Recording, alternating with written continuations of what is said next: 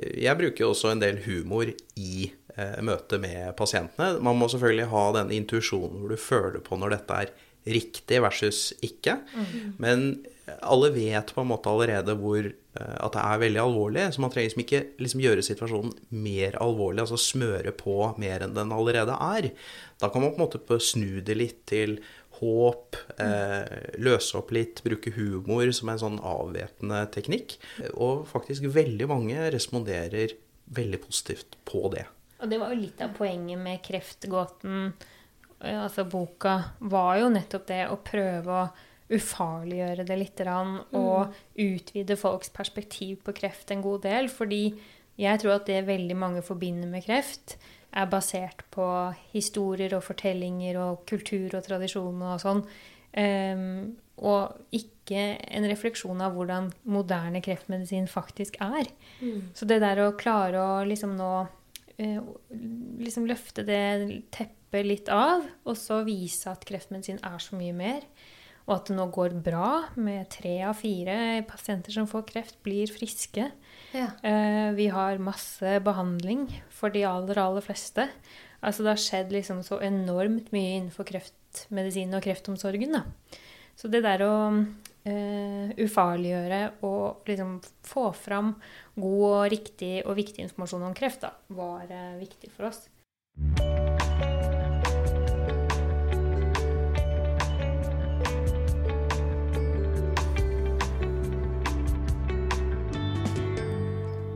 Hjertelig velkommen til podkasten 'Leger om livet'. Jeg heter Anette, og jeg jobber som lege og ønsker å gjøre nyttig og forskningsbasert og god, spennende kunnskap lett tilgjengelig for alle.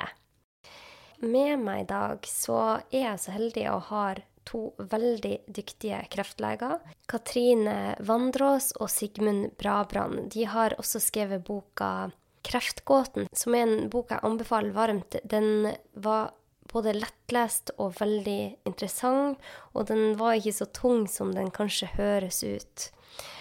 Det var veldig artig å få muligheten til å prate med to så dyktige og kloke leger som Katrine og Ann Sigmund, og jeg tenker at eh, selv om man føler at dette er et tungt tema, så tror jeg du kommer til å føle at dette er en god prat som ikke er så alvorlig. Som han Sigmund sier, man trenger ikke gjøre et alvorlig tema mer alvorlig enn det allerede er.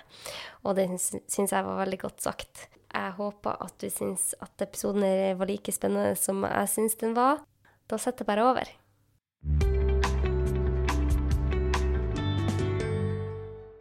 Hjertelig velkommen til podkasten 'Leger om livet', Katrine og Sigmund.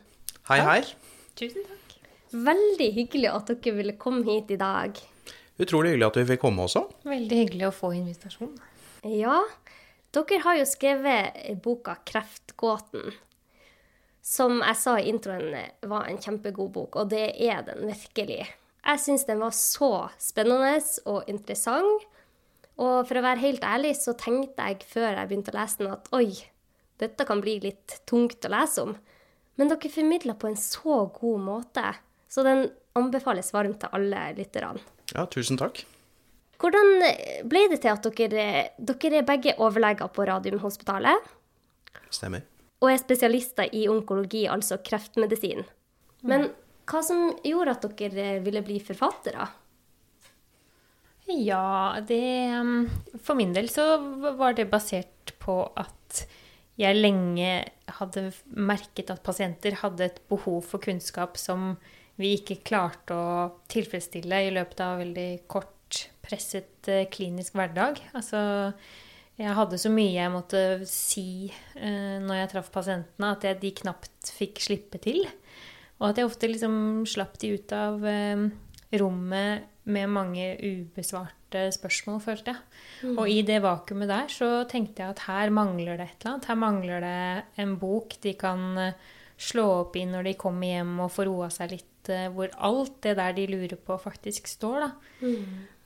Så den tanken gikk og modnet seg hos meg lenge. At jeg hadde lyst til å skrive noe som kunne være til nytte da, for, eh, for norske kreftpasienter. Skrevet på en måte som var helt forståelig for hvem som helst. Og som tok opp alt liksom ja, innenfor dette svære temaet som kreft er, da. Og så tenkte jeg at nei, men søren, nå skal vi ikke bare prøve oss å skrive den selv. Eh, og da, da, spurte jeg en veldig god kollega og venn om å bli med på det, og så har, eh, har egentlig veien bare blitt litt til underveis. Og da skrev vi den eh, ja, ved siden av jobben over noen år. Ja. Og så kom den da ut i fjor. Mm. Jeg har også hatt et veldig sånn behov for, eller i hvert fall interesse for, å kunne forklare ganske vanskelige ting forsøksvis på en enkel måte. Mm. Det har egentlig levd med meg hele tiden. Og jeg var også på leten etter å gjøre noe ved siden av som på en måte kunne tilfredsstille det ønsket å gjøre det. Så når Katrine kom og spurte om det, så passa jo det midt i, midt i, blinken. Ja. Så gikk veien eh, til mens eh, dere skrev. Ja, det ble jo litt sånn. Og så er vi, selv om vi er kreftleger begge to, så er vi veldig forskjellige. Så både som mennesker og som leger. Sigmund jobber med prostatakreft. Eh, jeg jobber med brystkreft. Eh, Sigmund har forska på kreftgenetikk, veldig sånn nerdete, basale ting. Mm. Mens jeg har forsket mer på seneffekter og det å være kreftoverlever og litt andre sider av kreft. da. Eh, sånn at vi har ulike interesseområder. Og det, så det har supplert hverandre så fint, føler jeg. At vi har mm. liksom bidratt med ulike ting eh, som er viktige på hver sin måte. Da. Det ga også litt sånn naturlige delinger når vi skrev boka. Eh, rett og slett. Liksom, den tok den kapittelen, og den tok den kapittelen. Og så leste vi over hverandres. Ja. Eh, så det var liksom noen som hadde hovedansvar for deler av, deler av hver sin del av boka. Da. Dere jobber jo veldig tett. da. Dere jobber på samme sykehus, samme avdeling, skriver bok. Og så fikk jeg nettopp vite at dere har en eh, podkast som heter ja. Kreftlegenes podkast. Kreftlegenes mm. podkast. Så dere jobber jo tett. Blir det av og til at dere må gi hverandre et lite sånn Litt milde tilbakemeldinger? Altså innimellom, så, altså innimellom så irriterer vi jo hverandre bare helt grønne, liksom. Altså det blir jo som eh, Altså virkelig, men det det går, det går, jo litt opp og ned innimellom. Så noen ja, ganger så har vi vært sure på hverandre og litt sånn. Så det blir jo litt sånn Men så, er, men så kommer krypende tilbake og liksom, så det blir jo litt sånn, ja. Det er jo som et vanlig ja, vennskap som Det går jo litt opp og ned, og det er klart at det er krevende å jobbe tett med et sånt prosjekt over så lang tid. Særlig fordi vi har litt ulik arbeidsmåte også. Jeg er veldig sånn liksom har litt dårlig tid og vil liksom raskest mulig komme til til målet, som i denne situasjonen var å få boken ferdig. Uh, men Sigmund er veldig detaljorientert og nærmest sånn perfeksjonistisk. da. Sånn at um, uh, der måtte vi jo innimellom uh, sette oss ned og prate litt om hvordan vi skulle løse det. Ja. For der var vi forskjellige. Men jeg tror det var bra at vi liksom kom inn med litt ulike arbeidsmåter. Sånn at det, det ble Jeg tror vi lærte noe av hverandre. hverandre. Så boka ble jo da liksom eh, Kvaliteten ble kanskje litt høyere, og så ble den ferdig kanskje litt før. ferdig litt, litt før. ja, så dere utfyller hverandre på en veldig god måte, høres det ut som. Ja, ja egentlig. Det hadde vært veldig Det hadde vært mindre Det hadde ikke vært så bra hvis vi var liksom helt like. Liksom ja på den samme biten. Men eh, kreft er jo et ganske tungt tema. Mm. Og det er jo et alvorlig tema. Men det jeg kjenner med en gang dere kom inn her i podkaststudiet, at dere er jo ikke så alvorlige personer. Nei. Dere er jo, det er jo Og det var jo også en annen grunn til at jeg ville ha med Sigmund på, på prosjektet. Fordi eh, han er jo utrolig tullete hele tiden. Og, og det å jobbe, jobbe, med noen som får deg til å le, det er kjempeviktig. Og folk blir veldig overraska når de liksom hører at eh, vi jobber med kreft, og at vi liksom stortrives med å jobbe med kreft. Fordi folk forbinder jo kreft med lidelse og elendighet og død og bare triste ting. Og det er det det er én side av kreft. Men jeg tør påstå at vi ler og koser oss på jobb, vi som er kreftleger, eh, minst like mye, om ikke mer, enn veldig mange andre legespesialister. Ja, Det gjelder å ta, det, ta med det inn også, faktisk i pasientkonsultasjonene. Eh, jeg bruker også en del humor i møte med pasientene. Man må selvfølgelig ha den intuisjonen hvor du føler på når dette er riktig versus ikke. Men alle vet på en måte allerede hvor, eh, at det er veldig alvorlig, så man trenger liksom ikke liksom gjøre situasjonen mer alvorlig, altså smøre på mer enn den allerede er. Da kan man på en måte snu det litt til håp, eh, løse opp litt, bruke humor som en sånn avvæpnende teknikk. Og, og faktisk veldig mange responderer veldig positivt på det.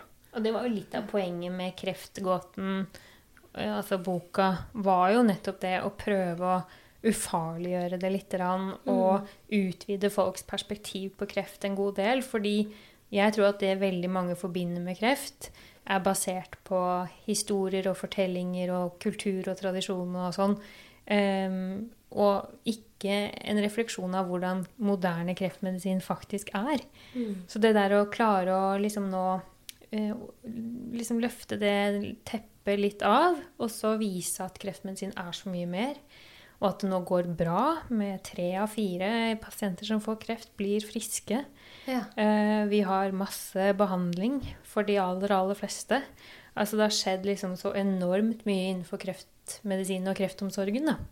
Så det der å eh, ufarliggjøre og liksom få fram god og riktig og viktig informasjon om kreft, da, var eh, viktig for oss. Mm. Um, og jeg tror at bruk av humor, sånn som du sa, Sigmund, det, liksom, det, kan være så bra hvis det gjøres på riktig måte, uten at man selvfølgelig skal være eh, liksom, respektløs eller gi inntrykk av at ikke vi tar dette på alvor. For det gjør vi jo selvfølgelig. Mm. Men det er fortsatt rom for å kunne se Løse opp litt. Ja. ja.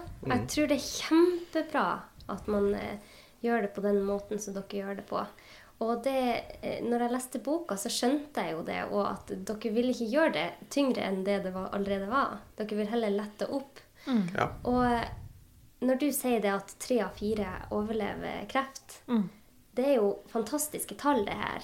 Hvor mange er det egentlig som får kreft i løpet av eh, Hvor mange prosent? I løpet av et år. I løpet av livet? I løpet av livet, ja. Eh, altså, mm, før vi blir 75 år, så er det en risiko på rundt eh, 30 da, for at man får en kreftdiagnose. Så det er jo vanlig. Det er jo den største folkesykdommen vi har. Det er eh, over 100 personer hver dag som får diagnosen. Ja, og jo eldre vi blir, jo større forekomst eh, blir det. Og, og det betyr jo at det blir Vi forventer jo å bli enda eldre i årene som kommer, og da vil også kreftforekomsten øke tilsvarende. Um, og det er jo litt sånn som vi har skrevet i boka, at eh, det høres, høres skummelt ut, men det er jo litt sånn at hvis man blir gammel nok, så vil, eh, vil, vil vi kunne få kreft alle sammen, faktisk. For dette er jo et resultat av årelang slitasje på cellene våre, som gjør at eh, kreft vil på en måte oppstå før eller siden. Og det kan jo høres veldig skummelt ut, det her. Men da må vi huske på de tallene, at tre av fire faktisk overlever. Og, eh, Og det, altså det er jo så da mm, For 150 år siden så døde alle som fikk kreft. Altså sånn ja, tenk Så det. det er det, den endringen som har skjedd, da. På 150 år. Og, og kreftforekomsten var jo mye lavere òg, for vi hadde jo ikke så høy gjennomsnittsalder. Så du kan si det er på en måte også Hva skal vi si, det er to sider av et luksusproblem, kan du si. da, At vi blir veldig mye eldre, så vi får oppleve sykdommer som vi ikke ville opplevd hvis vi ikke ble så gamle. Ja, nettopp. Men når du sier det, har forskjellige typer kreft kommet tidligere? Ser man det? Eller er det lik alder som medianalder som det alltid har vært?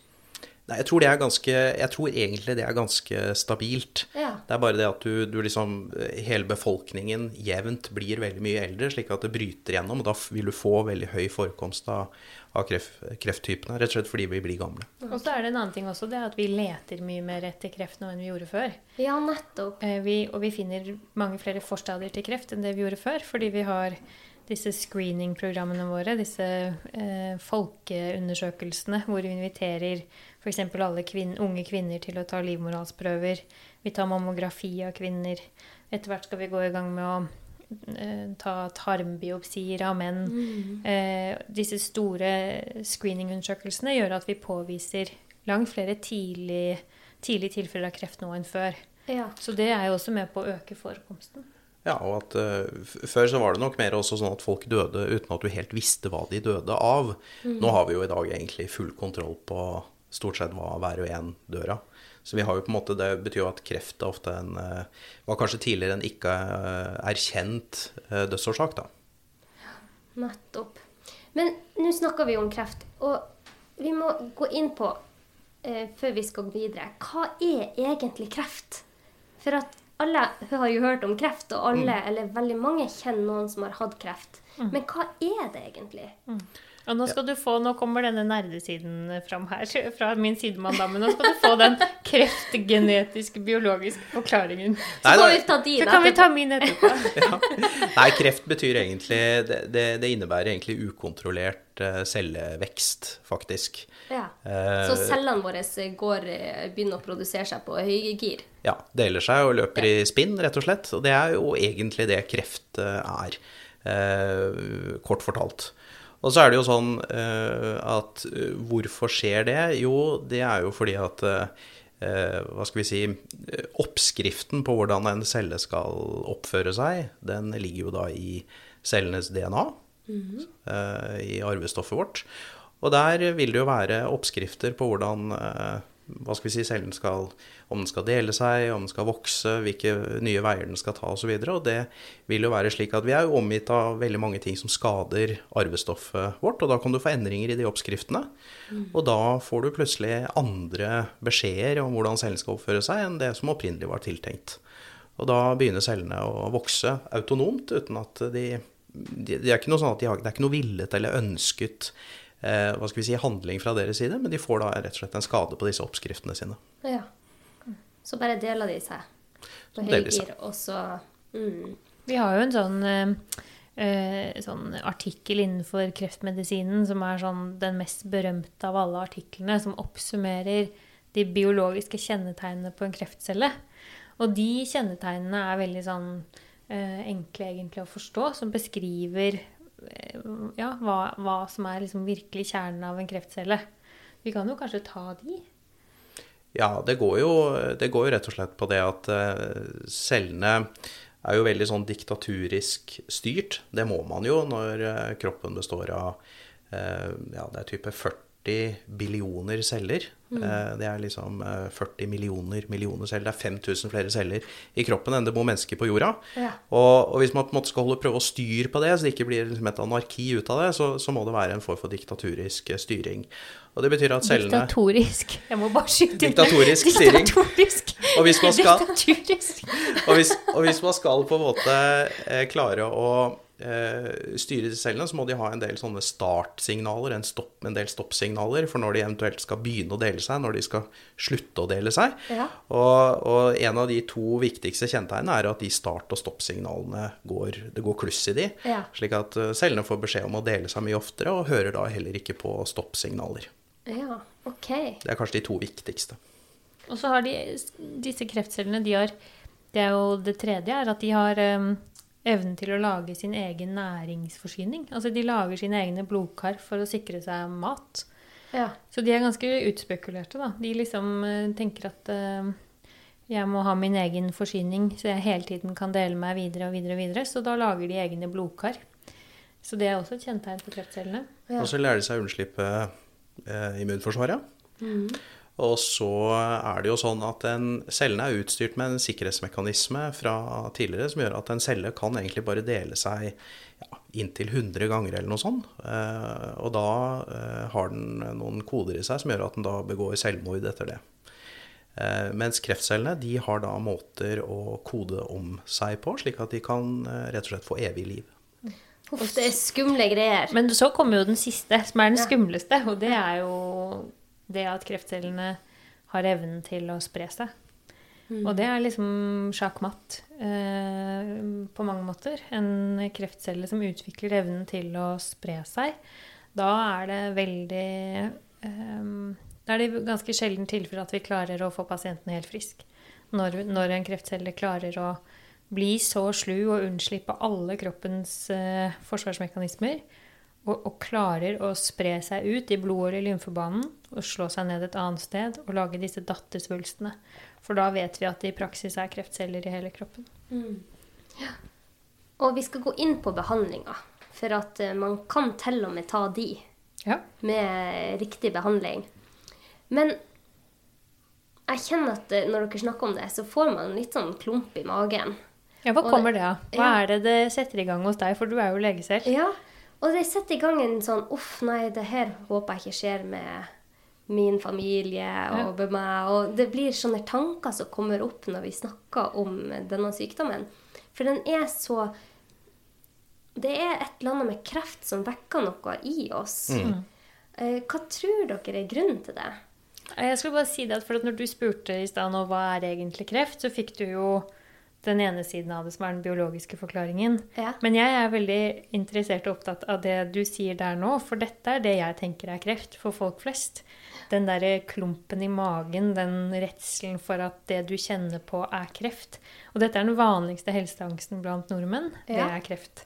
Ja. Og det gjelder like mye leger som kan masse. Det gjelder jo oss også, ikke sant. Det er jo, den, det, er jo det man frykter. Og hva kommer det av? Og, så, og det har jeg tenkt masse på. Jeg tror det er noe med liksom bare den historiske forankringen det ordet har i oss, liksom. Altså, det vekker så mye sterke følelser i oss. Ja. Eh, Og vi forbinder det med så mye triste, negative, fæle ting. Det er så mørkt og svart som, man, som det kan bli. Og det tror jeg for mange tror at kreft er én sykdom. At kreft er kreft, liksom, uansett, og man dør av det.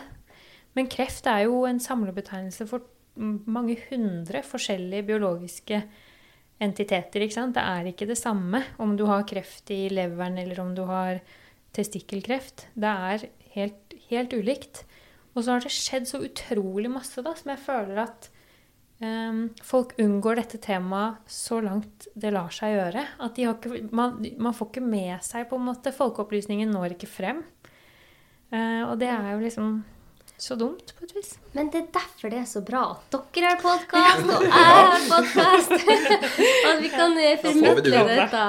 For at det, det er litt morsomt at du sier akkurat det. For at jeg eh, hadde jo han Ingvar Wilhelmsen som gjest eh, for noen uker siden. Og han sa jo òg det at kreft er, det er så vanlig å ha den eh, Angsten, ja. angsten.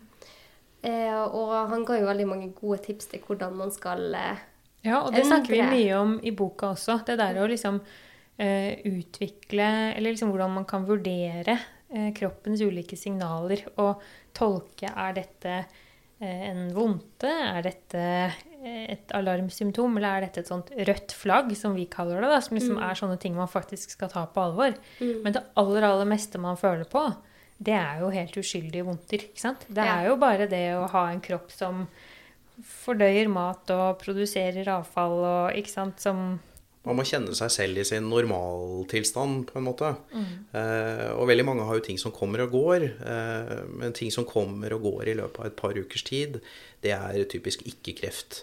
Kreft forsvinner ikke, så det er jo gjerne noe som da starter, og så øker på. Mm. så, og det, det er jo litt viktig å tenke på, at det som da gir seg, det er som regel ikke kreft. Eh, og så er det jo det å kunne skille mellom Det er jo det å kjenne seg selv, skille mellom dette er en dagligdags variasjon versus nå er det noe annet på gang her. Mm, nettopp. Det er sikkert mange som tenker sånn Hva er disse røde flaggene? Ja. Kan ikke dere bare kjapt gå gjennom de? Jo, altså For eksempel så syns jeg at man skal stoppe opp hvis man begynner å få smerter et sted. Så skal man stoppe opp. Da mener jeg ikke daglig hodepine eller vondt i et bein, eller et eller annet sånt, men det er typisk da en smerte som starter, og som gjerne øker på gradvis over eh, gjerne et par-tre uker, f.eks., som ikke gir seg. Eh, det syns jeg er viktig å stoppe opp eh, ved. Det gjelder også blødninger, f.eks., fra alle typer kroppsåpninger det måtte være. Det bør man ta alvorlig. Man kan ha en Eh. tommelfingerregel at man skal ikke blø noe sted, bortsett fra ved menstruasjon. Mm. Alt annet av blødning skal man liksom få sjekka ut. Ja. Og det å ta på seg vekt, f.eks., uforklarlig vekttap, det må man ta eh, alvorlig. Og det gjelder også da hvis man også sånn generelt føler seg i dårlig form over gjerne to til tre uker. Så har man jo sånne ting som kuler og knuter. Eh, lymfeknuter har man jo naturlig på hals og under armene og i lyskene, og det, de kommer og går litt. Men det er gjerne de som da eh, man merker, og som gjerne øker på, uten at man liksom føler seg noe sjuk på noen annen måte. Da over flere uker, da. For eksempel. Og disse kulene er gjerne ikke myke og bevegelige. Det er gjerne, de er typisk harde, de er typisk uømme, de er jo, det er litt størrelse på de. Er vel kanskje det som er det mest typiske for folk liksom, som kan kjenne selv. Da. Mm. Og så er det litt viktig å huske på at alder er en veldig viktig faktor her. Fordi det er veldig annerledes å være 75 år og f.eks. få blod i urinen, da. Eller eh, ha uklare skjelettsmerter i mange måneder, kontra det å være 25 år og ha vondt i magen eller eh, litt lett hodepine. Sannsynligheten for at det er kreft i yngre aldersgrupper er mye, mye lavere enn når vi kommer opp i årene. Mm. Så det å ta, Vi tenker jo at eh, jo eldre man er, eller hvis man har hatt eh, kreft før, så skal man ta ting litt mer på alvor. Man kan tenke seg litt mer om og se det litt an når man er yngre. Og litt også hvis det er kreft i familien. Hvis man liksom har en viss, viss arvelighet. Hvis mange har hatt kreft i familien før, så vil nok det øke risikoen litt for at man får kreft selv. Men så er vi litt sånn opptatt av det der at hvis man kjenner kroppen sin mm. Altså hvis man tør å på en måte kjenne etter når man er frisk. Tør å undersøke brystene sine som når man er jente, og tør å undersøke testiklene når man er gutt, og følge litt med på kroppen. da. Utvikle litt sånn helsekompetanse eh, på sin egen kropp. Da vil man mye lettere legge merke til når noe endrer seg eh, som er eh, ting som liksom er litt mer foruroligende. Så det der å liksom bare følge litt med, være litt obs på sin egen kropp, tror jeg er ganske viktig. Ja, for at dere opplever jo sikkert mange som kommer veldig seint. Ja. Eh, og det å ha skyldfølelse, dere skriver om det i boka. Mange kommer og får skyldfølelse når de får den diagnosen. Hva mm. kommer det av? Nei, det er nok eh, Altså, vi ser jo en del som kommer sent, og du kan si en, det er jo liksom to grupper. da, Enten er det det at de, de, faktisk ikke har erkjent disse symptomene for å være reelle. En annen ting er at man kanskje har kjent dem, men man har en angst, en redsel, som gjør at man fortsatt ikke oppsøker lege, selv om man egentlig innerst inne vet at man burde gjort det. Mm. Uh, og så er det liksom de enda ekstreme ytterpunktene som skjønner at det som skjer, er kreftsykdom, og som lar være å oppsøke lege, og som skjønner konsekvensene av å la være også. Altså, de frykter sykehus og leger og behandling så mye at de aksepterer heller at kreften sprer seg, og at det blir dødelig. Det er ganske sånn øh, ganske dramatisk innimellom å snakke med pasienter som f.eks. kan ha et stort, væskende, åpent kreftsår på brystet som de kan ha levd med over mange år. Som de har stelt og skiftet på. De har skjønt hva som skjer. Eh, men som velger å la være av ulike grunner. Og det kan være vanskelig å forstå, men det skjer relativt ofte. Og jeg tenker at det er så viktig, da, uansett når en pasient først har kommet inn i, til oss, så er vi Det er ingen skyld eller skam eller Altså, vi er så opptatt av å løfte den eh, børen fra pasientens mm. skuldre, da. For det er jo For det første tjener det ingen hensikt, og vi tenker ikke på det på den måten heller.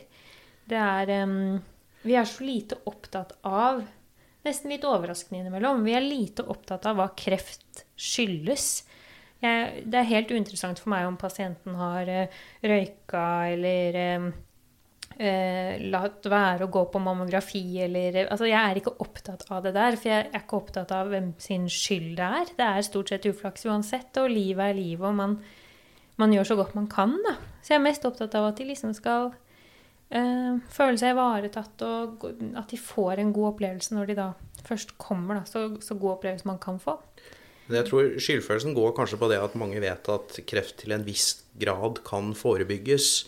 Og det er jo veldig mange forebyggende råd for å redusere risikoen for kreft. Vi mm. pleier å operere med en sånn 40-60-fordeling. At det er 60% av det er, eh, er eh, arv og arv, mens 40 er miljøet omtrent. da. Mm. Slik at eh, man, man, eh, kan jo prøve å Det er liksom spørsmål om da man har gjort nok for seg selv innenfor den 40 mm. eh, Og da vil nok kanskje noen føle at ja, kanskje jeg ikke skulle gjort det, kanskje jeg ikke skulle gjort det, og så kunne jeg redusert risiko. Men det er nå engang sånn at eh, de som har røkt veldig lenge, det kan være at de ikke får eh, lungekreft. Får de ikke kreft. Ikke sant? Og, og ja, så er det jo, har vi jo en del lungekreftpasienter som aldri har røkt. Eh, så, men jeg tror noe av skyldfølelsen går på det, pluss at kanskje noen tenker at dette burde jeg fanget opp før jeg burde kjent etter før, jeg liksom burde oppsøkt før, osv., og, så videre, og så har man ikke gjort det. Men det, jeg syns det er så rart at det er kreftpasientene som får det. For det er jo mange andre sykdommer som er i mye større grad mm. påvirka av livsstil. ja. Mm. Eh, men man får jo ikke Nei, Vi har liksom ikke inntrykk av at hjertekar måte. hjerte-kar f.eks. er Nei. samme type. Nei. Og jeg synes det var så trist for eksempel sånn når eh, f.eks. en sånn kjent person som Christine Koht som fikk kreft. Hun snakket mye om at hun følte at det var veldig mye skam forbundet med det å gå med skaut. Og på en måte det å vise at man hadde kreft. Og det syns jeg også er så sørgelig på et vis. Fordi det er jo ikke samme skam knytta til å ha et hjerteinfarkt eller eh, ha sukkersyke eller eh, Altså, det, det står liksom ikke Jeg skjønner ikke hvorfor, hvorfor liksom skammen følger kreften. Det, er, det, det syns jeg er så sørgelig, for det er det ingen grunn til, på en måte. Jeg sier jo stort sett til pasientene mine hvis de spør Hvis jeg skjønner at de går og bærer på masse skam og, og føler at dette er noe de kunne ha forhindra, så liksom Det er så viktig for meg å få de til å forstå at dette her er først og fremst uflaks. Ja. Ikke sant? Dette er først og fremst uflaks. Og de der ti rådene som eh, Helsedirektoratet har gitt ut for å, um, altså for å ha et kreftfritt liv Altså, det er flott, det, liksom. Det er, Det er, ti i- det, er flotte ingen, råd. det er ingen garanti for et kreftfritt liv. Nei, ikke sant? Men selv om du følger de, så får man kreft. Og så liksom eh, Ja, det er supert å ikke, drøy, ikke drikke og ikke røyke og ikke sole seg og ikke utsette seg for noe, på en måte. Men, men vi skal nå leve Det er livene ganske kjedelig, våre. ganske kjedelig etter hvert, da. Ja. Og det er ingen som klarer å følge Nei. alle råd Nei. hver eneste dag. Og selv om man nei, nei. gjør det, så får man kreft. Vi gjør ikke det, vi heller, altså. Nei. det, det er godt. Jeg er Jeg er helt laks for i forhold det. til det, altså. Jeg tror at det stresset det ville gitt av å prøve å leve så perfekt, hadde heller ikke vært særlig helsebringende. Men så er det klart at det er visse ting som, som er supert å gjøre sånn generelt for god helse generelt. Og det Ja. vet jo du, og det når jeg har hørt på Leger om livet på den og sånn. Dette med trening og spise sunt og eh, Og da kan man jo hive på dette med å, å komme på mammografi og gå på livmorhalsprøvene og sånne liksom viktige, fine tiltak som ikke er så eh, liksom, Ja, det er mer positivt. Gjøre liksom- istedenfor ja. den askesen Ja. som er hvis du aldri skal kunne grille og aldri kunne skal kunne ta seg en ram. ikke sant? Så Ja, blir det, liksom, det blir kjedelig til slutt. Ja, nei. Jeg tenker at vi bare går inn på den forebyggende delen med en gang når vi først er på temaet. ja. For nå sa du det, at man kan gå og skrine seg. Ja. Det er jo effektivt, ja. Har det vist seg. Mm. Eller? Ja, for livmorhalskreft har det jo vist seg å være veldig effektivt. Ja. Det er jo en av de kreftsykdommene man faktisk ser for seg at man kan utrydde. Bl.a. Blant annet ved hjelp av screening. Og det er jo helt fantastisk. Da leter man etter forstadier eh, til kreftutvikling i livmorhalsslimhinnen. Man ser på cellene om de er i ferd med å bli slemme. Eh, ved å ta celleprøve hos gynekologen eller fastlegen. Og hvis man finner de forstadiene, så kan man fjerne de ja. før de blir til kreft. Tenk det. Det er jo helt fantastisk. Mm. Eh, og så um, eh, samme for mammografi. Det er jo litt mer omdiskutert eh, og har ikke hatt samme frapperende effekt som livmorhalsprogrammet. Men likevel, det har fått, eh, fått ned dødeligheten for brystkreft og, og har vært et ja, veldig positivt eh, bidrag, det også. Ja. Så, så det å delta på disse eh, befolkningsprogrammene er jo det, det er gratis, og det er nyttig, og det burde man gå på. ja. Bra. Og hva annet kan man gjøre? For 40% Og det er ingen Vi må presisere det igjen, det du sa, Sigmund, at, eh, og du sa òg, Katrine, at det er ingen sin skyld om man får kreft. Eh, han, Hans kan ha røkt hele livet, aldri beveget på seg, mm. sola seg hele dagen, ikke få kreft og levd til han er 100. Og så kan det være Kari på 18 år som har gjort alt riktig og får kreft i tidlig alder. Så det er ingens skyld. Men hvis man kan forebygge 40% av tilfellene, så er det greit å vite om disse. Og det er ikke så mye som skal til, egentlig. Det, Nei, nei, vi har jo vært litt inne på Ja. det allerede. ikke sant? Du har screeningprogrammene, du Ja. har kosthold. Ja. Uh, og, og det er jo man, man følger, Hvis man følger de norske kostholdsrådene pluss dette med middelhavskostholdet, uh, og ikke, ikke bli overvektig, så har man kommet veldig langt av gårde. Overvekt er viktig. Unngå Ja. overvekt er jo Fysisk aktivitet, forsøk å ikke røyke. Men bare kosthold. Mm. Bare gå tilbake til det. Der har jeg hatt flere episoder om middelhavskosten, og den er kjempegod. Det er masse godt å spise der, Mm. så bare google det. Ok, Og så sa du Hva var det andre du sa? Fysisk aktivitet? Jo, og så og så er det jo røyk. Røyk. Eh, selvfølgelig. Den er jo kanskje såpass obvious at den er det liksom eh, nesten ikke noe vits å diskutere i seg selv, nesten. Men hvis du ønsker å slutte å røyke, Ja. så har jeg en veldig god bok. Det er bare to sider i en bok som heter Rip It Up, av en som heter skal vi se, Richard Wiseman, som er en professor fra England, som har eh, forska på hvordan man kan få folk til å endre vaner. Og den eh, metoden han beskriver i den boka, har jeg brukt på pasientene mine. Og jeg og Henrik vi laga sånn kryss hver gang vi fikk en pasient til å slutte å røyke. Det var kjempeeffektivt. For at eh, det handler ikke om å prakke på andre at de skal slutte. Sier du du må slutte å røyke, så kommer de ikke til å slutte å røyke. Det men det handler om at eh, man skal snakke med dem på en, eh, en god måte. Og for de som røyker, så anbefaler jeg det kapitlet i den boka. Rip it up. Og så anbefaler vi også episoden om motiverende intervju. For hvis eh, Ja! det er jo en supermåte å prøve å kutte ut røyken, er jo å bruke motiverende intervju. Ja, det var et godt tips, Katrine. Men Herman Egenberg, jeg husker ikke hvordan eh, episode nummer 24 eller noe sånt. Og så er det aldri for sent å slutte, fordi det er jo liksom den totale tiden du har røkt. slik at hvis du slutter å røyke, så er det mye bedre enn å fortsette. Altså du reduserer jo risikoen din ved å slutte. Ja. Så, det er liksom, så, så selv om du syns du har røykt veldig lenge, så er det fortsatt et incitament for å slutte. Ja. Du har noe å vinne på det. Ja, og det kan man få til. Det har jeg sett gang på gang. Men også var det trening. Det vet vi alle. Så soling. Soling, ja. Vi kan gå inn på soling. Ja, du som er hudlege, Ja, ja, kan jo mer om det. det enn snakker vi mye om. Ja, Vi har jo ganske høy forekomst av, av det her i Norge, ja, sammen med Australia og England og en del sånne steder. Og det er økende. Mm. Eh, og det er litt interessant, for at før så kunne man se hvor i Norge det var eh, høyest forekomst. Men etter at vi begynte å reise til Syden, så er jo forekomsten økt i hele landet. Og det er jo bare den der grillinga vi nordmenn har for oss. Sjokksolinga på bleik hud. Det å bli solbrent er jo det som er farlig. Ja! Bare unngå det. Det lille der å unngå å bli solbrent. Og særlig i tidlig alder. Barnealder. De skal ikke bli solbrent, men det er ikke farlig med sola. Noen blir jo veldig hysteriske og livredde for at barna sine skal være ute i sola. Det tror jeg heller ikke er bra. Men eh, bruk solfaktor, og ikke ha de inne akkurat når UV-strålinga er sterkest. Enig. Så har, Så har du gjort mye. voldsomt mye med reduksjon av risikoen bare på det. Men som du, ser på, som du ser på Sigmund, han er ute i sola på sommeren selv om han er kreftlege. Og jeg er helt avslappa i forhold til det. Man må kose seg òg. Ja, Men du bruker sikkert solkrem, og du blir sikkert ikke så rød. Så rød. Ja, nei, jeg, jeg skal innrømme at jeg er ikke så veldig god til å bruke solkrem selv, men jeg blir stort sett aldri brent. Nei, det er bra. Eh, Så, så da regner jeg med at risikoen er litt lavere med den hudtypen jeg har. Ja, vi har alle forskjellige hudtyper. Jeg har en bror som har rødt hår, og han, han må bruke solfaktor 50. Ja, ikke sant? Så OK, ja, så har vi jo alkohol. Alkohol, det er, eh, det er eh, også en viktig risikofaktor for noen krefttyper.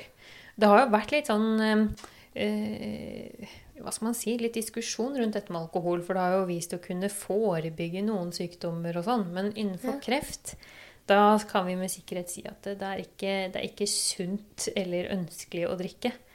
Eh, Så overdrevet alkoholinntak, det bør man unngå. Samtidig, når vi har pasienter som spør oss om det er greit å ta et glass eh, vin eller en øl eh, underveis i kreftbehandling og etterpå, så sier vi at det er helt i orden. Eh, det dreier seg om at man skal kunne kose seg innimellom og ha god livskvalitet. Og dette med at Og så er det ikke, er det ikke der de er ligger, der på en måte, ligger. Om du får effekt av behandling eller ikke. Nei, det er store mengder alkohol over lang tid man skal unngå. Ja, og denne binge Ja. drinking. Og så er det jo, i tillegg til stråling fra sol, så er det jo sånn med radon og asbest og sånne giftige ting i miljøet rundt oss som man skal liksom være litt obs på, da. Ehm, Eh, Radonmåling kan man jo utføre sjøl hjemme, eh, faktisk. Det er, jo, det er jo Kommunen har jo også kart over eh, Altså, radon jo, kan jo føre til lungekreft. Det er ikke så veldig mange eh, tilfeller av lungekreft per år som kan forklares av radon, når du på en måte har røyk som en eh, veldig mye mer forklarende faktor. Men det er faktisk mulig å bestille seg sånne radonbrikker over internett, som du da lar ligge eh, vinterstid noen måneder på de ulike rommene, en ned og en oppe f.eks., og så sender du det inn. Og så får du svar på om eh, du ligger over eller under terskelverdien. Jeg har gjort det Dette selv. har du gjort, Veldig Sigmund. enkelt. Jeg har gjort det. Veldig enkelt. Og det var veldig, og det var veldig bra. Ja. Så det kan man gjøre, så, så veit man det. Og så bruke verneutstyr når man eh, holder på med potensielt giftige ting. Og så tenkte jeg også på um, dette med HPV-vaksinering. ja. Den er også viktig. Eh, og det har vi jo nå Nå får jo alle barn i bestemte aldersklasser tilbud om HPV-vaksine. Og det er også effektivt. Så det skal man også takke ja til, tenker jeg. Mm. Eh, Fordelene oppveier eh, eventuelle ulemper knytta til det. Så det er eh, Det syns jeg man skal gjøre. Det er såpass godt dokumentert HPV. OK. Så nå tror jeg vel at vi har vært igjennom de aller fleste. Jeg Ja, hvis du lever akkurat sånn, så tror jeg det, da begynner det å ligne Ja, på du kan få kreft for det. Ja. Dessverre. Men eh, det, det, det var jo ikke så veldig vanskelige ting. Nei, og det er jo ting som gjelder for, Som er forebyggende for masse andre sykdommer òg, ikke sant? Nettopp. Det er jo ting som forebygger hjerte-karsykdom og sukkersyke og Ganske demens og alt mulig rart. Så det er jo de samme tingene som går igjen uansett, tenker jeg. Mm. Absolutt. Eh, ja. Jeg lurer på hva vi skal gå inn på nå. fordi at nå har vi gått på forebyggende, og jeg hadde litt lyst til å si, eh, snakke litt om terapien. Behandlingen man har for kreft. Og det kan jo være litt tungt, så kanskje vi kan gå litt kjapt igjennom. Ja. Men bare vite forskjellen. For at det, det er ganske greit å vite. Vi vil jo alle kjenne, eller de fleste av oss vil jo kjenne noen som får kreft. Og Vi snakker om arbeidshester i boka. Tre, Ja, Tre tre, arbeidshester. ja, tre store, og det er jo kirurgi, det er strålebehandling, og det er medikamentell behandling, eller cellegift, da. Og så er det en liten gruppe, da, men som har fått dest, altså, øh, vanvittig mye oppmerksomhet, øh, og det er jo immunterapi. Og det er en del av den medikamentelle kreftbehandlingen vi har. Men det er fortsatt en ganske liten gruppe det er aktuelt for. Men hvis man liksom har hørt om stråling, kirurgi og cellegift, da, da har man et sånt grovt overblikk over kreftbehandling. ja. Men immunterapi, det, selv om det er lite av det ennå, det er jo kjempespennende. Ja, det er veldig spennende. Det er, jo, det er jo på en måte en, en terapi som jeg tror kommer veldig mye mer til syne etter hvert. Ja. Eh, grunnen til at det har kommet, er jo Altså, man har jo egentlig jobbet med immunterapi i eh, over 100 år, egentlig. Det å få kroppens eget immunforsvar til å spise kreftceller.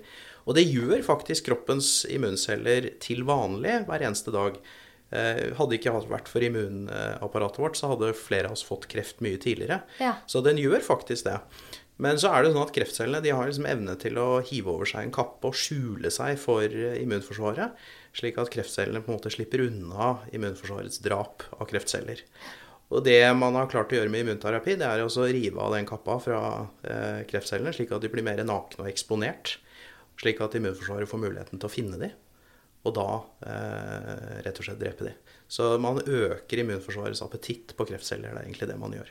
Og de har mye mindre bivirkninger, har jeg skjønt. Ja, altså det er litt sånn enten, det er liksom enten eller. Enten får du nesten ingen bivirkninger, Ja. eller så kan du da plutselig få veldig alvorlige bivirkninger. For det som er, er jo at eh, immunforsvaret skal jo unngå å angripe oss selv. Det skal jo, skal jo på en måte angripe fremmede trusler. Og så er det jo sånn at kreftcellene ligner jo ganske mye på oss selv. Eh, så det er ikke så veldig lett for immunforsvaret å skille en kreftcelle fra en, f.eks. en helt vanlig levercelle eller et eller annet sånt. Eh, Den klarer det, men så plutselig kan det hende da, hvis du da øker appetitten til immunforsvaret, at plutselig så kan den snu seg og vende seg mot oss selv. Og det vil Da- vi ikke. Nei, og da må, du, da må du til med veldig rask og kraftig behandling med en gang. Ja, for dere beskrev en, en mann som hadde fått lungekreft, lungekreft, og som fikk immunterapi. Og kreften bare smelta bort, men så gikk kroppen til angrep på seg selv. Og det er jo òg litt skummelt. Ja, det, det, det kan jo også være livstruende, sånn at, eh, sånn at det immun, hva skal vi si, immunterapi går jo veldig veldig bra uten noen bivirkninger for de aller, aller fleste. Og så Ja. de få som gjerne får alvorlige bivirkninger. Det er på en måte eh, mer den type eh, behandling enn f.eks. cellegift, hvor egentlig veldig mange får eh, litt bivirkninger. Ja. Eh, så det er Men dere sa i, i, skrev i boka at det var overraskende få egentlig som fikk langtidsbivirkninger. Eller? Ja, Har vi immunterapi? Nei, av eh, kreftbehandling eh, generelt. Altså, Fikk senvirkninger. Det er ca. én av tre som får seneffekter av kreftbehandling. Ja, så to av tre får Ja, ikke det. Så det er jo litt eh, hvordan man ser på det, da. Ja. Så, så to av tre vil jo på en måte komme gjennom det uten store fysiske seneffekter. Da. Men det som, litt, som jeg syns er litt interessant med immunterapi, er at det representerer jo en helt ny måte å tenke på i kreftbehandling. Fordi cellegift, det er jo en sånn Altså da, da gir vi samme behandling Altså Har du brystkreft, så får du den type cellegift. Alle som har brystkreft, får den type cellegift. Det er litt tankegangen. ja. Mens i immunterapi så er tankegangen at man skal se på den genetiske signaturen til akkurat den kreftcellen som den pasienten har, og så skreddersy på en måte behandlingen til den kreftsvulsten. Uavhengig om den sitter i brystet eller tarmen eller lever eller hvor som helst. Det er liksom genetikken i kreftsvulsten som er poenget. Så man gjør genanalyse og finner mutasjoner man kan angripe med behandling. Og så gir man liksom målretta behandling. Så det betyr at en pasient med brystkreft kan plutselig få behandling som egentlig er godkjent for leverkreft, og vice versa, da, hvis du forstår forskjellen. Og det, betyr, det er det vi kaller for persontilpasset kreftbehandling. Da. At vi prøver å skreddersy behandlingen mye mer. Og det tror vi jo begge to er fremtiden innenfor kreftmedisin. Og det, eh, at det vil bli mer og mer av det jo flere målrettede medikamenter man får utvikla. Så nå er det jo sånn at flere og flere pasienter får gjort genanalyse av kreftcellene sine for å se om det er noen mutasjoner der i kreftcellene som vi kan målrettet angripe med behandling. Mm. Og så er det jo sånn at immunterapi har jo på en måte gitt effekt hos bl.a. lungekreft og ondartet føflekkreft med spredning. To sykdommer som egentlig tradisjonelt sett har hatt veldig dårlig prognose eh, over veldig mange år. Og man har gjort forferdelig mye forskjellig både med cellegift og stråling og kirurgi og alt mulig sånn, uten at du egentlig har klart å bedre prognosen noe særlig. Og så kom immunterapi til, og så har du plutselig klart å få de pasientene f.eks. med spredning til å smelte helt vekk. Ja. Uh, og det er jo på en måte Da er det virkelig noe interessant som ligger der. Og, og du kan si at eh, det at man har klart å Altså de, de som på en måte avdekket eh, liksom måten å drive med immunterapi, moderne immunterapi på, det, det ga jo en nobelpris. fordi at det var jo for et par-tre år siden. Fordi at det var så banebrytende, det man fant. Og du kan si eh, Grunnen til at man kan gjøre det, er jo fordi man har begynt å forstå mer mekanismene som styrer immunceller i forhold til eh, kreftcellene. Så, men jeg tror, tror nok man må innse at man, man cruiser fortsatt litt sånn i overflaten. Det er veldig mye lenger ned man ikke forstår. Så jeg tror kanskje immun, immunterapi er noe som kommer til å komme veldig mye mer i årene som kommer, etter hvert som vi forstår mye mer i samspillet mellom kreftceller og immunceller. Men det, men det er fortsatt sånn, og det er liksom, tenker jeg er litt viktig å understreke at grunnen til at vi har gått fra at alle døde av kreft, til at tre av fire blir langtidsoverlevere, det er pga. arbeidshestene. Ikke sant? Det er pga. kirurgi, stråling og cellegift. Ja. Immunterapi har kommet de siste 20-30 årene, eh, og særlig de siste 10 årene, og er enn så lenge aktuelt kun for utvalgte grupper av kreftpasienter. Da. Så, så enn så lenge så er kanskje forventningen som alle kommer med, den er litt høyere enn en der vi er helt enda. Mm. Men det er liksom den fremtiden vi går mot, tror jeg. Det er i hvert fall spennende, og det er i hvert fall bra at det forskes på bedre og bedre metoder Mm, for, og behandlingsformer. Så det er kjempespennende. Eh, jeg tenkte dere må jo hjem til middag etter hvert, men jeg har noen få spørsmål til. Én av tre vil få kreft i løpet av livet. Det vil si at det er jo stor sannsynlighet for at du enten får det selv, eller at du vil være pårørende. Og dere har et veldig fint kapittel i boka om det å være pårørende. Hva ser dere eh, i jobben deres? Hvordan Hva er det de gjør, de som eh, Hva skal man si Takler den oppgaven som er en veldig tung oppgave å være pårørende. Hva er det de gjør, de som takler det på en litt eh, bedre måte, eller hvordan skal man beskrive det? Mm, det er et godt spørsmål. Um, mitt inntrykk er at de aller fleste, når de blir pårørende til en med kreft, er at de blir veldig sterke øh, og, og, påtar seg nye roller og oppgaver for å hjelpe den som er sjuk. Uh, jeg jobber med brystkreftpasienter og ser veldig mange ektefeller som plutselig må bidra på en helt annen måte med hus og hjem og familie enn det de har gjort før. Mm. Og som får til det uh, på en veldig god måte. Mm. Uh, og jeg tror at det pasienten trenger, er egentlig bare en som er der. En som er med på løpet, som blir med, som er involvert og interessert og viser omsorg um, for den som er syk, da. Mm. Og så er det komplisert, for det er klart at um, det er jo ikke sånn at, uh, at alle forhold, alle ekteskap, alle partnerskap uh, er en dans på roser til vanlig. Og det er ikke sånn at det blir nødvendigvis er så lett å bli pårørende hvis ting har vært krevende før. Ja. Uh, men jeg syns ofte at man klarer å liksom stille opp og være til stede i en sånn situasjon uh, på en veldig god måte for det om, da, hvis du ja. forstår hva jeg mener. At de liksom de tar fram noe uante mengder med ja, med styrke og omsorg for den, for den de er glad i. Og så tror jeg det er kjempeviktig at når man er pårørende, at man har sitt eget utslipp eh, et eller annet sted et annet sted. Ja. Altså at man skjønner at det er en ganske tung jobb i gåstegn man står i, og at man også trenger selv å ha noen å prate med. Fordi det er klart at man kan jo føle at man ikke skal eh, liksom belaste den som er syk, med egne bekymringer eller eh, f.eks. frykt, og dødsangst, hva det nå skulle være. Men, men, da er det viktig at den som er pårørende, har en annen å prate med. Mm. Om det er en fastlege eller en venninne eller en kamerat eller hvem som helst. Men at man har sitt eget utslipp, da. Ja. Det tror jeg er kjempeviktig. Det tror jeg er et veldig godt råd, mm. ja. Uh, men jeg, jeg tenker at bare det å vise at man uh, står sammen med den som er syk, om det som skjer, og, og mm. deltar. Nå har det jo vært en veldig veldig spesiell situasjon de siste to årene, også i kreftomsorgen, fordi pårørende har jo ikke fått lov til å være med. Mm. Eh, Pga. korona. Så veldig mange pasienter har måttet gå gjennom mye av behandlingen aleine. Det har vært ganske heftig.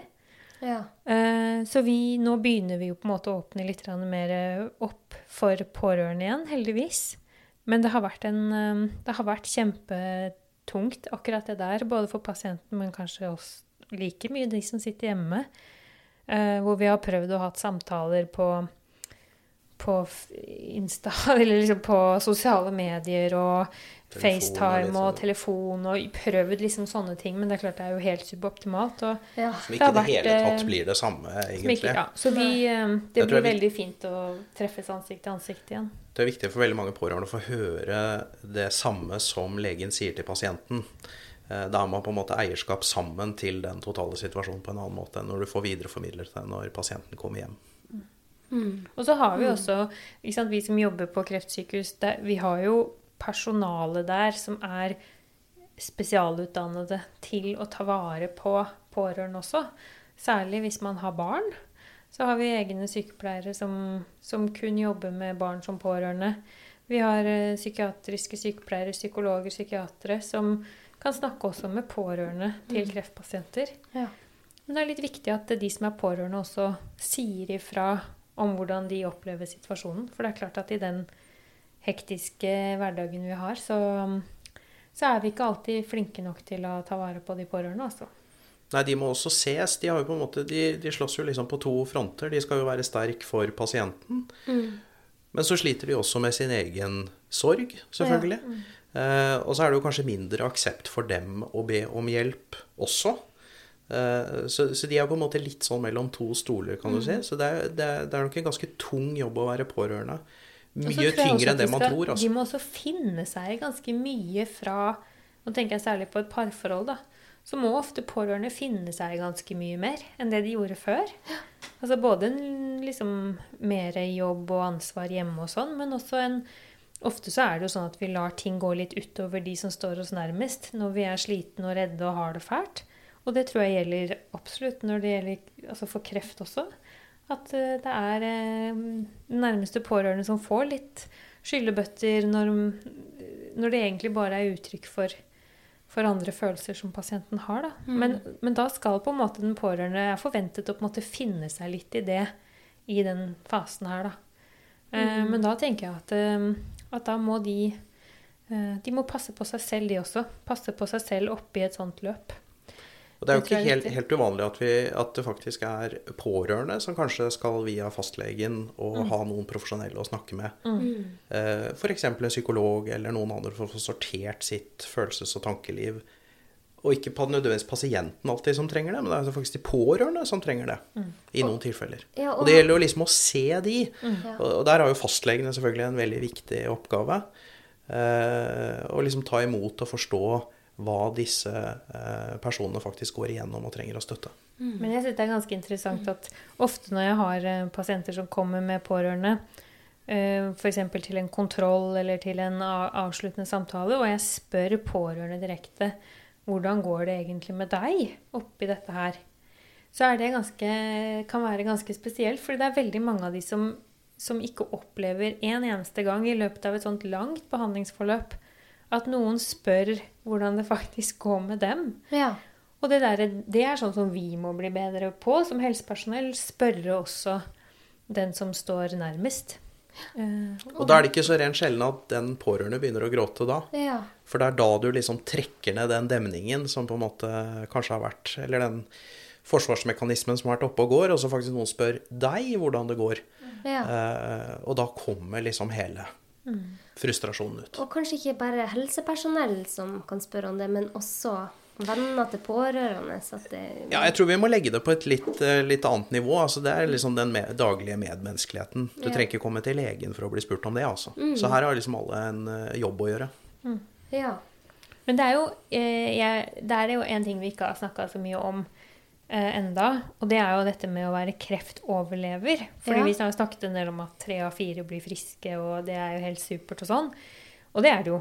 Men det betyr jo også at det er kjempemange som lever videre etter en kreftdiagnose. Som skal tilbake til familie, til jobb, til relasjoner, til, til livene sine, liksom. Mm.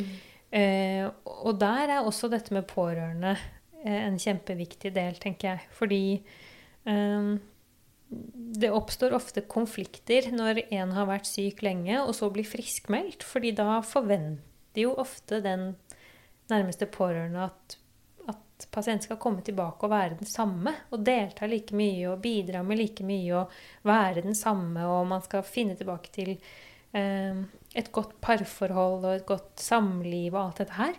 Og så ofte så blir det jo bare helt krasj. Fordi det å være kreftoverlever betyr jo ikke at man føler seg frisk, eller at man er den samme, eller at man har de samme behovene, eller Alt er annerledes, selv om man har blitt frisk, da. Og det, er, eh, det, er, det kunne vi snakket om i timevis. Det det å være kreftoverlever er jo Det syns jeg er um, den største utfordringen kreftomsorgen har for fremtida. Fordi vi har ikke noe system for å ta vare på de som kommer ut på andre siden. Og nå kommer jo nesten alle ut på andre siden. Men de slippes liksom bare løs, selv om de har så mye de strever med. Og det er um, utfordrende. Jeg syns det er veldig fint at du tar opp det. For det er lett å glemme det, mm. ikke sant? Mm de, vært, de, føler de har vært eh, veldig nær døden. Mm. Og så skal de komme tilbake og bare være helt seg selv. Ja, Og det er det jo ingen av de som er. Det er det ikke, verken i jobb eller eh, samliv eller og veldig mange av de, Vi har ikke noe sånn veldig Det er i hvert fall ikke et tilsvarende godt apparat for de bygget opp nå, som man kanskje har for den eh, behandlingsmessige delen av kreftomsorgen. Slik at de blir som veldig fort overlatt i større grad til seg selv. Mm. Og kanskje til fastlegen, som nødvendigvis ikke har uh, all kompetanse på dette eller her. Så, eller, tid, eller tid. ikke sant? Så, så, der har vi en stor jobb å gjøre de nærmeste årene. Og vi kommer til å ha flere av de pasientene, fordi vi fortsetter jo å kurere flere.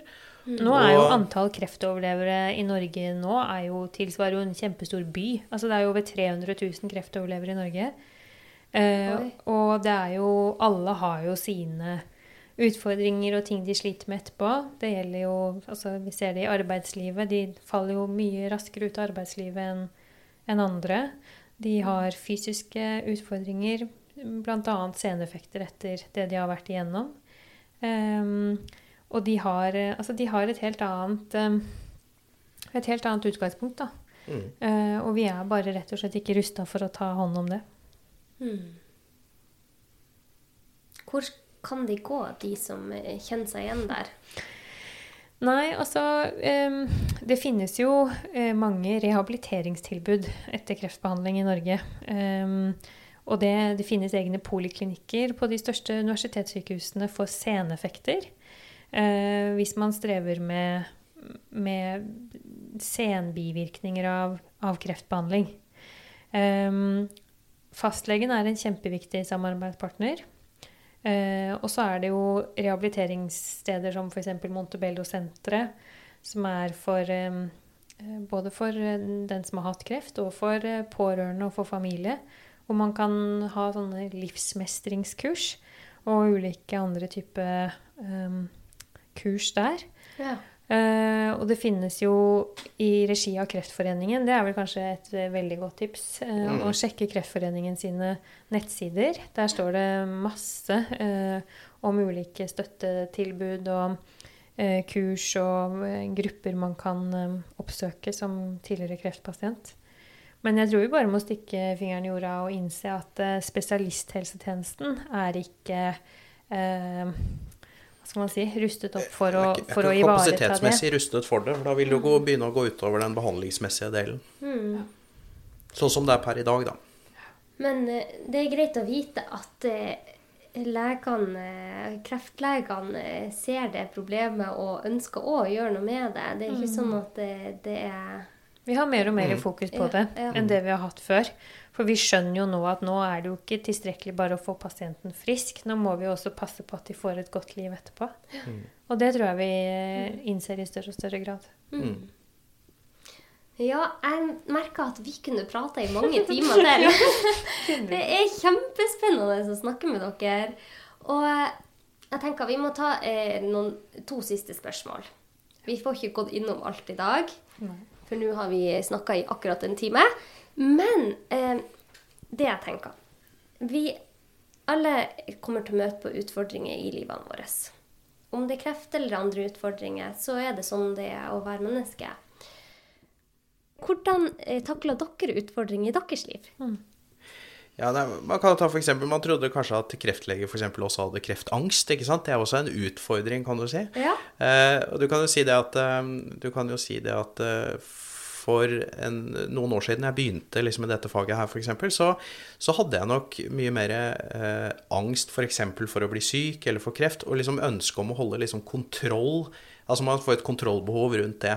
Ja. Eh, men så har jeg på en måte etter hvert eh, kanskje eh, sluppet det litt løs, eller hva kan du si, gitt eller på en måte slutt, Sluttet å på en måte slutt, Sluttet å forsøke å kontrollere fremtiden. og det er jo litt det, er litt sånn, så, det er sånn som han Wilhelmsen også snakker om. Og jeg har prøvd å liksom adaptere meg i større grad til den tankegangen. Eh, jeg får ikke noe mindre kreft eller blir noe mindre syk eller får noe mindre problemer av å sitte og forhåndstenke på det ja. i forkant. Og det er på en måte det jeg mener med å gi opp litt. Altså det, det er Du kan ikke hindre det allikevel. Så jeg har på en måte valgt å legge den ballen død, rett og slett. Du kan ikke eh, drive og tenke deg fra det, nei? som man gjør på kveldene. Ligge og tenke 'Å nei, nå må jeg ikke få det og det og det'. Det har ingen Nei, så jeg har i større grad funnet mer og mer avslapping av å ta den liksom, tilnærmingen, da. Det tror jeg, jeg er kjempesunt. Det, ja, det er veldig sunt hvis man klarer det. Men, men man skal være ganske sånn pragmatisk som person, da. Hvis du bare kan legge det bort, eller liksom bare gi slipp, da. Jeg, sier ikke, altså, ikke at det er lett. Nei, det, er, nei, men det virker som det er ganske lett for deg å ikke bekymre deg. Man, man er jo liksom forskjellige på det der hvor, hvor mye man bekymrer seg. Mm. Og jeg bekymrer meg masse for alt mulig rart. Og mitt beste råd Du er kjempegod takle, på å gjøre den. Bekymrer, mitt beste råd for å takle det og tåle det, det er å snakke med en god venn. Ja. Altså, og jeg har um, jeg får sånn kreftangst eh, rett som det er. Jeg, eh, og bekymrer meg mye for liksom ja, store og små ting eh, i livet og i fremtiden. Og da syns jeg det er så godt å ringe til noen som er sånn kjemperolig av natur. Uh, og så bare får jeg luftet det. Jeg får bare sagt akkurat hva jeg er redd for at dette kan være. Bare få sagt det høyt, liksom. Og så må noen da bare si at nei, dette er jeg ikke bekymret for, eller dette høres helt fredelig ut, eller dette kommer til å gå bra, eller Og da merker jeg at det har hjulpet mye bare å si det høyt. Ja. Og så hjelper det veldig at en, eh, f.eks. Sigmund, da, sier at eh, Nei, dette er nok bare en senebetennelse, eller hva det nå skulle være. Mm.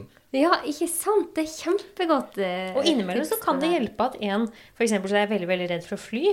Ja. Eh, og, og Jeg, tror- jeg tror jeg er får forespørsel fra deg om ulike sånne ting, i hvert fall. Annenhver ja. uke, altså. Men jeg er veldig, veldig, veldig, veldig redd for fly. Og da eh, hjelper det veldig at jeg f.eks. bare kan sende en melding til, til uh, Sigmund eller til uh, ja, mannen min eller mammaen min eller hvem det skulle være.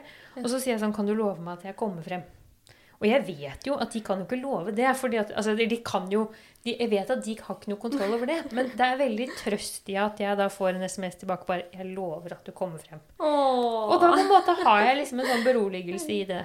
Så Ja, det har jeg jo faktisk sagt et par ganger også, når du lurer på liksom den sendelsen der. Ja. Ja. Så har jeg sagt dette, dette er, det, nå er vi sammen om dette her, og jeg lover at det ikke er noe galt. Og det verste man kan si, det verste man kan si til noen som er redd Jeg har noen venner som er sånn også, hvis jeg sier sånn Kan du love meg at dette flyet lander, og at jeg ikke dør, og sånn. De som da sier Nei, jeg kan ikke love det. Det kan jo skje. Ikke sant? Sånne ting må man Det aldri feil, si det er til feil noen svar, da. Feil svar. Så mitt, eh, mitt beste råd er å tørre å snakke om det.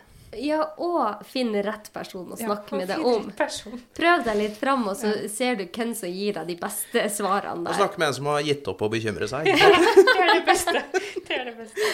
Alle burde ha en Sigmund i livet Ja.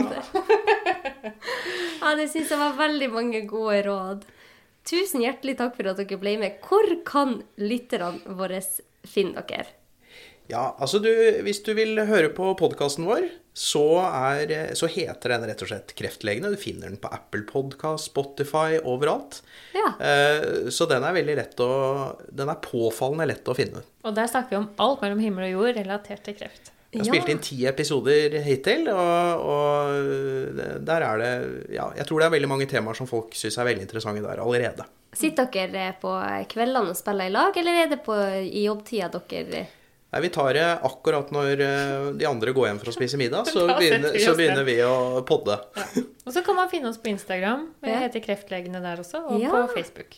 Da må vi bli venner på Instagram og Det Facebook. må vi. Ja. Og boka 'Kreftgåten' heter den, og den er i alle bokhandler. Det er kjempebra.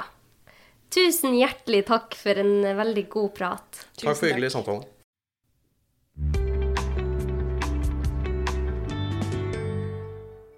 Ja, her var det mange spørsmål som ble besvart, og jeg er veldig glad for at jeg fikk muligheten til å snakke med han Sigmund og Katrine. Hvis dere har flere spørsmål eh, eller andre tanker, så kan dere skrive til meg på Instagram eller Leger om livet, og dere kan også skrive til Sigmund og Katrine på Kreftlegene på Instagram. De har også en veldig god podkast som heter Kreftlegenes podkast, og eh, den finner dere eh, alle steder hvor podkaster finnes. Og eh, hvis du tenker at dette er en episode som eh, andre kan ha nytte av, del den. Det er kun sånn den gode kunnskapen kan eh, nå ut. Og bare trykk abonner hvis du liker denne podkasten. Ellers så ønsker jeg deg en veldig fin uke. Ta vare på deg selv og de rundt deg. Ha det godt.